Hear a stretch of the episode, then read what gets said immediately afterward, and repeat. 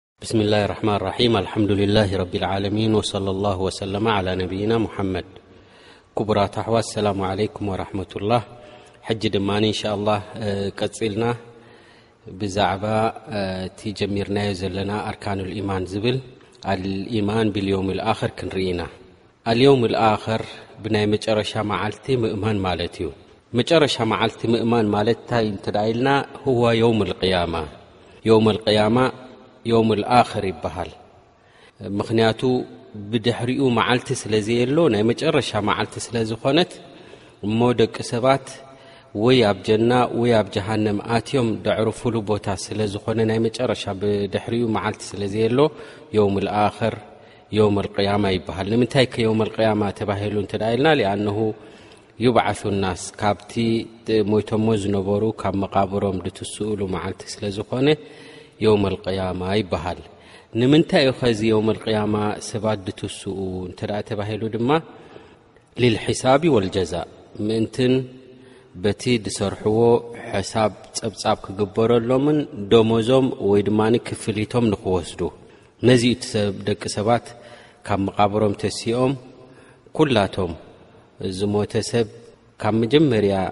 ፍጡር ጀሚርካ ክሳብ መጨረሻ ደሎ ብሓደ እዋን ተሲኦም ካብ ደድነበርዎ ቦታ ኣብ ሓደ ቦታ ተኣኪቦም ሕሳብን ጸብጻብን ዝግበረሎም መዓልቲ እዚ ዮውም ልኣክር ዮውም ልቅያማ ይበሃል ኣልዮም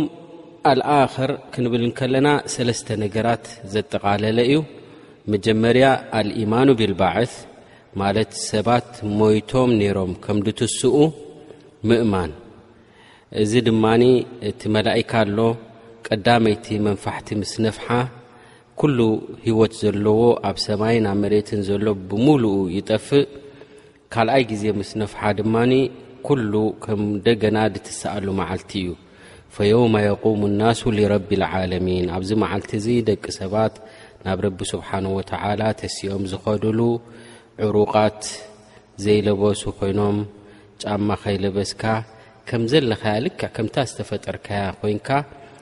ናብ ረቢ ስብሓን ወተላ ትኸይድ ማለት እዩ ስለዚ ድማ ንረቡና እንታይ ኢሉ ቁርን ከማ በዳእና ኣወለ ኸልቂ ኑዒዱ ከምታ መጀመርያ ዝፈጠርናዮም ከምኣ ይምለሱ ማለት እዮም እዚ ባዓት ይበሃል እዚ ባዓት እዚ ድማ ኣብ ቁርን ይኹን ኣብ ሱና ይኹን ዑለማ ይኹን ከምኡ ድማ ነብያት ኩላቶም እዚ መዓልቲ እዚ ኣሎ ኢሎም ዝነገሩናን ከምኡ ድማ ነቢያት ከነዚ መዓልቲ እዚ ተጠንቀቑ ነዚ ሕሳብ ዝኾነሉ ግዜ ስርሑ ኢኹም እናበሉ ዘምህርዎ ዝነበሩን ወይ ድማ ዘሕብርዎ ዝነበሩን እቲ መዓልቲ እቲ እዩ ዮም ኣልባዕት ትበሃል ማለት እዩ ረቢ ስብሓን ወተላ እንታይ ይብል ኣብ ቁርን ثማ ኢነኩም ባዕደ ሊከ መይቱን ثማ ኢነኩም የውም ልቅያመቲ ትባዓثን እቲ ሰባት መጀመርያ ይሞቱ ብሙሉኦም እቶም ሞይቶም ዝነበሩ ሞይቶም እዮም ዘለዉ እቶም ብህወት ዝነበሩ ብሙሉኦም ድማ ይሞቱ ማለት እዮም ብድሕሪኡ ثማ ኢነኩም የውም القያመቲ ትብዓثን ብድሕሪኡ እታ መዓልቲ ረቢ ስብሓን ወተላ ዝወሰና ምስኣኸል ድማ ኩሉ ድማ እንደገና ይትስእ ማለት እዩ እምበኣር ከምዚ ዝበለ ፀብፃብን ሕሳብን ዘለዎ መዓልቲ እንተ ኮይኑ ነዚ መዓልቲ እዚ እውን ምሕሳብ ብዛዕብኡን ንዑ ዝጠቕመካ ምስራሕን ድማ የድሊ ምክንያቱ ንሕና ኣብዚ ዓለም እዚ መጺና ዘለና ሱቕ ኢልና ብዘይ ዕላማ ዝመፀና ኣይኮናን ንዕላማ ኢና ተፈጢርና ንሓደ ጎይታና ክንግዛእ ማለት እዩ ንሓደ ጎይታካ ተገዚእካ በቲ መንገዲ ንድሕር ኬድካ ንጀና ተኣቱ ካብቲ መንገዲ እንተኣ ተኣልዩ ድማ ንደቂ ሰባት ንጀሃንም ዝኣትውሉ መዓልቲ እዩ እሞ እዚ መዓልቲ እዚ እውን ከምኡ ድማ ንደቂ ሰባት ዝተፈጠሩሉ ዓላማ ንዓብዪ ነገር ምዃኑ ረቢ ኣብ ቁርን እንታይ ይብል ኣፈሓሲብቱም ኣነማ ከለቕናኩም ዓበታ ንሕና ስኒ ብዘይጠቅም ነገር ዝፈጠርናኩም ዶ ኮይኑ ይስምዓኩም ወኣነኩም ኢለይና ላትርጅዑን ናባና ዘይትምለሱ ድዩ መሲልኩም በላ ማለት እንታይ ማለት እዩ እወ ክንምለስ ኢና ኩላትና ካብዚ ዘለናዮ ሞይትና እንደገና ተስኢና ምስ ረቢ ስብሓን ወተዓላ ንራኸበሉ መዓልቲ ኣሎ ማለት እዩ ስለዚ ዩ ከዓ በዚ ሓደ ካብቲ ክፍልታት ንኣርካን ልኢማን ኩሎም ነቢያት ዝመሃርዎን ከምኡ ድማ ኣብ ቁርኣናን ብእስልምና ዝተነገርናዮን እዚ መዓልቲ እዚ ከም ዘሎ ድማ ክንፈልጥ ኣለና ማለት እዩ ሓደ ካብቲ ኣርካን ልኢማን እዩ እምበኣረይ ደቂ ሰባት ካብቲ ሞይቶሞ ዝነበሩ ከም ድትስኡን ከምኡ ድማ ኣልኢማን ብልሒሳብ ወልጀዛ እዚ መዓልቲ እዚ ፀብፃብ ኣሎ ቁፅፅር ኣሎ ከምኡ ድማ ክፍሊት ኣሎ ማለት ከከምቲ ድሰራሕካዮ በዓል ሰናይ ሰናይ ይረክብ በዓል እከይ ድማ ከምታ ግብሩ ድማ እከይ ይረክብ ማለት እዩ እና ኢለይና እያበም ማ እና ዓለይና ሒሳቦም ኢሉ ረቢ ስብሓን ላ ናባና እዮም ዝምለሱ ንሕና ኢና ው ንቆፃፀሮም ቁፅፅር ኣሎ ማለት እዩ ኣላ ስብሓን ወተላ ርህሩህ ስለ ዝኾነ ማለት ኣዝዩ ራህራሂ ስለ ዝኾነ እዚ መዓልቲ እዚ ነቲ ሰናይ ግብርታት ዝሰራሕካዮ እቲ ሓንቲ ሰናይ ግብሪ ከም ዓሰርተ ተዕፀፈልካ ማለት እዩ ክንዲ ዓሰርተ ዝሰራሕካያ ትኾነልካ እታ ሓንቲ እከይ ግብሪ ዝሰራሕካያ ግን ከምታ ድላታ ሓንቲ ኮይና ትመፅእ ማለት እዩ ኣላሁ ስብሓን ወተዓላ ፍትሐኛ ዝኾነ እዚ መዓልቲ እዚ መዓልቲ ፍትሒ እዩ ከከምቲ ዝሰራሕካዮ ነቲ ሰናይ ግብርኻ እናባዝሐ ነታ እከይ ግብሪ ግን ከምታ ዘላታ ኮይና ፀብፃብ ትግበረልካ ማለት እዩ እቶም ካሓቲ ዝነበሩን እቶም ሙናፊቒን ዝነበሩ ምእማን ዝኣብዩ ዝነበሩ ድማ ኩሉ ህዝቢ ኣብ ዝተኣከበሉ መዓልቲ ድማ ኣላህ ስብሓን ወተዓላ እዚኣቶም እቶም ነቶም ነቢያት ናተይ ደናእሱ ዝነበሩ እዮም እዚኣቶም ነቶም ሃይማኖታውያን ኮይኖም ኣብ እምነቶም ቀጢሎም ዝኸዱን ዝሰግዱን ዝፀሙን ዝነበሩ ደናእስዎምን ማለት ዘሕስርዎምን ዝነበሩ እነህውልኩም በሉ ሎሚ ሓሲሮም ኢሉ ረቢ ስብሓን ወተዓላ ኣብ ቅድሚ ሰብ ድማ የጋልፆም ማለት እዩ ኣላህ ስብሓን ወተዓላ ብዛዕባ እዚ መዓልቲ ኣመልኪቱ እንታይ ይብል ፈለነስኣለነ ለذነ ኡርሲለ ኢለይህም ወለነስኣለነ ልሙርሰሊን እቶም ህዝብታት ክሕተቱ እዮም በቲ ነቢ ዝመፆም እንታይ ኣምሂርዎም እንታይ ከገይሮም ተኸቲሎሞ ዶ ኣይተኸተልዎን እቶም ነብያት ንገዛእ ርእሶም እውን ኣብፂሕኩም ዶ ብትኽክል ተባሂሎም ውን ይሕተቱ ማለት እዮም እዚ ፍትሒ ደቂ ሰባት ኣብ ቅድሚ ረቢ ቀሪቦም ፀብፃቦም ዝረኽቡሉ ድኣ እምበር ካብ ረቢ ስብሓን ወተዓላ ዝሕባእ ነገር እውን የለን ማለት እዩ ስለዚ እምበኣር ደቂ ሰባት ከም ድትስኡ ፀብፃብ ከም ዝግበረሎም ከምኡ ድማ ድሕሪ ፀብፃብ ድማ ኣልኢማኑ ቢልጀና ወናር ኣልኢማን ቢልዮም ልኣክር ክንብል ከለና ስኒ ጀናን ጀሃነምን ዝፈላለዩሉ ደቂ ሰባት ናይ ደቂ ሰባት መምለሲ ከም ዘሎ ምእማን ማለት እዩ እቶም ኣመንቲ ዝኾኑ በቲ ዝኣመንዎ ብሰናይ ግብሪ እናሰርሑ ዝኸዱ ዝነበሩ ጀና ዝኣትውሉ እቶም ዓመፅቲ ዝኾኑን እቶም ብነቢያት ዘይኣምኑ ዝነበሩን እዚ መዓልቲ እዚ ሓሶት እዩ እናበሉ ሓሶት እዩ በሃልቲ ዝነበሩን ንጀሃንም ዝኣትውሉ መዓልቲ ማለት እዩ እቶም ሰብ ገነ እቶም ንጀና ለኣት ኣብቲ ጀና ምስ ኣተዉ እዚ ዘይበሃል ደስታን ቅሳነትን ሰላምን ራህዋን ዘለዎ ብዓይንኻ ርኢኻዮ ዘይትፈልጥ ብእዝንኻ ሰሚዕካዮ ዘይትፈልጥ ብሓሳብ እውን ሓሲብካዮ ዘይትፈልጥ ጥጡሕ ዝኾነ ናብራን ጥጡሕ ዝኾነ ህወት ተሕልፈሉ ጀና ይበሃል ከምኡ ድማ ብኣንጻር ናቱ ድማ እቶም ክሓትን እቶም መንገዲ ረቢ ዝኽልክሉ ዝነበሩን ድማ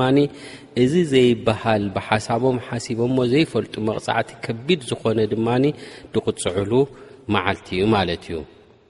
ኣብዚ ዮም ኣልኣክር ክንኣምን ኣለና ክንብል ከለና ብመጨረሻ መዓልቲ ኮላይ ብሞት ምእማን ማለት እዩ ሞት ጠብዓ ምእማን ክንብል ከለና ሞይትካ ኣብ ቀብሪ ምስ ኣተኻ ኣብ ቀብሪ እውን ከም ትሕተት ኣብ ቀብሪ ሰብ ኣብ መቓብሩ ምስ ኣተዉ እውን ከበድቲ ሕቶታት ዝሕትተለና ኣሎ ማለት እዩ እንታይ ሃይማኖትካ መን እዩ ነቢ ናባኹም ዝተለኣኸ ከምኡ ድማ መን እዩ ፈጣሪኻ ዝብል ሰለስተ ሕቶታት ኣሎ እዚ ከበድቲ ዝኾነ ሕቶታት ነዚ ዝኸውን ድማ ክትዳልዋ ኣለካ ማለት እዩ እዎ ኣብ ቀብሪ ምስ ቀበርናዮ ደፊንካዮ ምስ ከድካ ብኡ ዘብቃዕ ኣይኮነን ኣብኡ መላካ ኣለዉ ዝመፁ መላካ መፅኦም ድማ እዚ ሕቶ እዚ ይሓትዎ ማለት እዮም እንተ ኣ ነዚ ሕቶ እዚ መሊሱ ድማ ብስራት ይረክብ ፅባሕ ንግሆ ዮም ኣልቅያማ ምስ ኣኸለ ድማ ኣብ ዝለዓለ ቦታን ኣብ ምቹ ዝኾነ ቦታ ከም ዝነብር ድማ ይብሰር ማለት እዩ እንተ በዓል ክሓድን በዓል እከይን ኮይኑ ድማ ክምልስ ስለ ዘይክእል ክሓዲ ስለ ዝነበረ ድማ ኣይፈልጥን እየ ኢሉ ስለ ድምልስ ድማ ዮም ኣልቅያማ ምስ ኮነ ድማ ዓብዪ ጸገም ዝመልኦ መቕጻዕቲ ከም ዘለዎ እውን ንዑ እውን የበስርዎ ማለት እዮም ነቲ ብቲ ጽቡቕ ዝረኽቦ የበስርዎ ነቲ ድማ በቲ እከይ ዝረኽቦ እውን የበስርዎ ማለት እዮም እምበኣሪ ብዮም ኣልቅያማ ምእማን ወይ ድማ ብዮም ልኣኽር ምእማን እቲ ፋኢዳ ናቱ እቲ ሰመራ ናቱ እቲ ውፅኢት ናቱ እንታይ እንተ ኢልካ መጀመርያ ኣረቕባ ፊ ፍዕል ጣዓት ወልሕርሲ ዓለይሃ ሰናይ ግብሪ ንክትሰርሕ ይደፋፍኣካ ማለት እዮም ኣልቅያማ ከም ዘሎ እተ ትፈልጥ እተ ኮንካ እምበኣር ንሰናይ ግብሪ ንክትሰርሕ ፅቡቕ ንክትገብር ንደቂ ሰባት ንኸይትብድል ንኩሉ ህይወት ዘለውን ክትርህርህን ናብዚ ይደፍኣካ ማለት እዩ ከምኡ ውን ሕማቕ ንኸይትገብር ንደቂ ሰባት ንኸይትብድል ዓመፀኛ ንኸይትኸውን ድማ ካብ ሕማቕ እከይን ግብርታት ድማ የሕልወካ ማለት እዩ ከምኡ ውን እቶም ኣመንቲ ኮይኖም ኣብዚ ዱንያ እዚ ብዙሕ ፀገማት በቶም ተፃባእቶም በቶም ክሓቲ ዝኾኑ ዝወርዶም ዘሎን ከምኡ ውን ብኣላ ስብሓን ወተዓላ ዝኸተበሎም ሕማማት ይኹን ሽግራት ይኹን ፀገማት ይኹን ዝኾነ ዘጋጥሞ ዘሎ ጥራሕ ደኣ ኣማን እምበር ኩን ዮም ኣልቅያማ ከምዚ ዝበለ ኒዕማታት ኣለካ እንተ ተባሂሉ እውን እዚ ዓብዪ ዝኾነ መፀናንዒ እዩ ዝኾኖ ማለት እዩ ግን እቶም ክሓቲ ዝኾኑ ነዚ ዘረባ እዚ ወይ ድማ ነቲ ዮም ኣልቅያማ ኣሎ ዝብል ግን ይክሕዲኦም ነይሮም እዚ ምኽሓዶም ድማ ኣብዚ ዱንያ እዚ ወላ እኮ ልቦም እናኣመነን ንደቂ ሰባት የታልሉ እንተነበሩን ኣብቲ መዓልቲ እቲ ግን ጸገምን ሽግርን ክመጾም እንከሎ ሕሱራትን ዝሓፈሩን ኮይኖም እዮም ዝቀርቡ ማለት እዮም ወልሊክ ረቢ ዘ ወጀል እንታይ ኢሉ ቁርን ዛዓመ ለذና ከፈሩ ኣለ ዩብዓث እቶም ክሓቲ ዝኾኑ እንታይ እዩ ምትሳእ ዝበሃል ኣይንትስእና ካብ ቀብርና እናበሉ ይሕስው ኣለዉ ቁል በላ ወረቢ ለትብዓሱና በሎም ኢኻ ይመሐለልኩም ኣለኹ በቲ ጎይታ ሰማይን መሬትን ዝፈጠረ ክትስኡ ኢኹም ቀሊል ነገር ጌርኩም ኣይትረኣይዎ ثማ ለትነበኡና ብማ ዓሚልቱም በዚ ሎሚ ሓሶት እዩ እናበልኩም በዚ ሎሚ ከም ድላይኩም ትኸድዎ ዘለኹም ከምኡ ኣይኮነን ፅባሕ ንጎ ኩሉ ብብሓደ ዝትብልዎ ዘለኹም ተፃሒፉን ተመዝጊቡን ኣብ ደፍተር ኮይኑ ክመፀኩም እዩ እቲ ምትሳእ ካብ መቃብር እቲ ካብቲ ሞይትዎ ዝነበረ ወላ ብዝኾነ ይኹን ጠፍኡ ዝነበረ እንደገና ተሲኡ ናብ ረቢ ምቕራብ ስኒ ወሊከ ዓላ ላ የሲር እዚ ፈኪሱ እዩ ቀሊል ነገር እዩ ንረቢ ስብሓን ወተዓላ ንዕኡ ስኒ ኩን እንተ ደኣ ኢልዎ ዝኸውን እዩ ስለዚ ነዚ መዓልቲ እዚ ዝኸውን ክትሰርሑን በዚ መዓልቲ እዚ ክትኣምኑን ኣለኩም በሎም ኢኻ ይብል ረቢ ዘ ወጀል ማለት እዩ ስለዚ እምበኣረይ እዚ ዮም ኣልኣክር እዚ ማለት ደቂ ሰባት ካብ ሞት ተሲኦም ምስ ረቢ ስብሓን ወተዓላ ዝራኸብሉ እዩ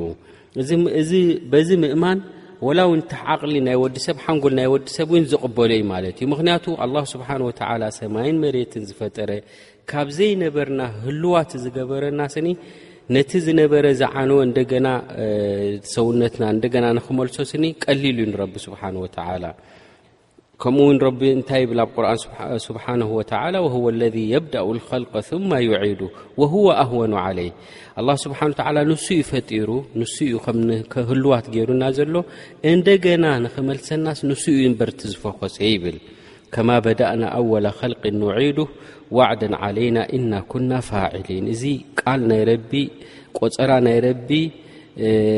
ፅባሕ ንግሆ ከም ንትስእ እዚ ዘጠራጥር ነገር የብሉን ማለት እዩ ከምቲ ሓደ ክሓዲ መፅኡ ናብ ረሱል ለ ሰላ ወሰላም ካብቲ ናይ ቀደም ዝሞተ ዓፅምታት ሒዙ መፅኡ ናይ ደቂ ሰባት ዝሞቱ ንዑ ሒዙ መፅኡ ብኢዱ እናፈርተተ እንታይ ኢሎም ረቢ ስኒ ነዚ ሞይቱ ዘሎ ነዚ ዓፅምን ሓመድን ዝተቐየረ ድዩ ከም ብሓድሽ ከተስኦ ኢልካ ትዛረብ ዘለኻ ኢልዎም ኣላሁ ዓዘ ወጀል ድማ መልሰሉ ነዚ ሰብ ኢልዎም ኣብ ቁርኣን እንታይ ኢሉ ቁል ያ ሙሓመድ በሎ ኢኻ ዩሕይሃ ለذ ኣንሸእሃ ኣወለ መራ ወሁወ ብኩል ኸልቅን ዓሊም እቲ መጀመርያ ነዛ ዓፅሚ እዚኣ ሕጂ ሒዝካ ትዛረበላ ዘለኻ ንዓ ዝፈጠረ እወ ንሱ እንደገና ክመልሶ እዩ ምክንያቱ ኣላ ስብሓን ወተላ ብኩሉ ፍጡራት ናይ ኩሉ ፍጡራት ፍልጠት ዘለዎ ፈላጥ ስለ ዝኾነ ወላ ሓንቲ ደፀግሞ ኣይኮነን ማለት እዩ እዘን እዚ መዓልቲ እዚ ዮም ኣልኣክር ከም ደሎ ናብ ረቢ ስብሓን ወተላ ከም ንምለስን ረቢ ስብሓን ወተላ ፀብፃብ ከም ዝገብረልናን በዚ ምእማን ሓደ ካብቲ ኣርካኑል ኢማን ሓደ እዚ እዩ ማለት እዩ ስለዚ ኣርካኑል ኢማን ክንብል ከለና ብረቢ ስብሓን ወተዓላ ምእማን ብመላእካ ምእማን ብመላእኽቲ ወይ ብልኡኻት ምእማን ከምኡ ድማ ብልዮም ልኣኸር ማለት ዮም ኣልቅያማ ከም ዘሎ ድማ ምእማን እዩ እቲ ናይ መጨረሻ ካብቲ ኣርካኑል ኢማን እንታይ እንተ ተባሂሉ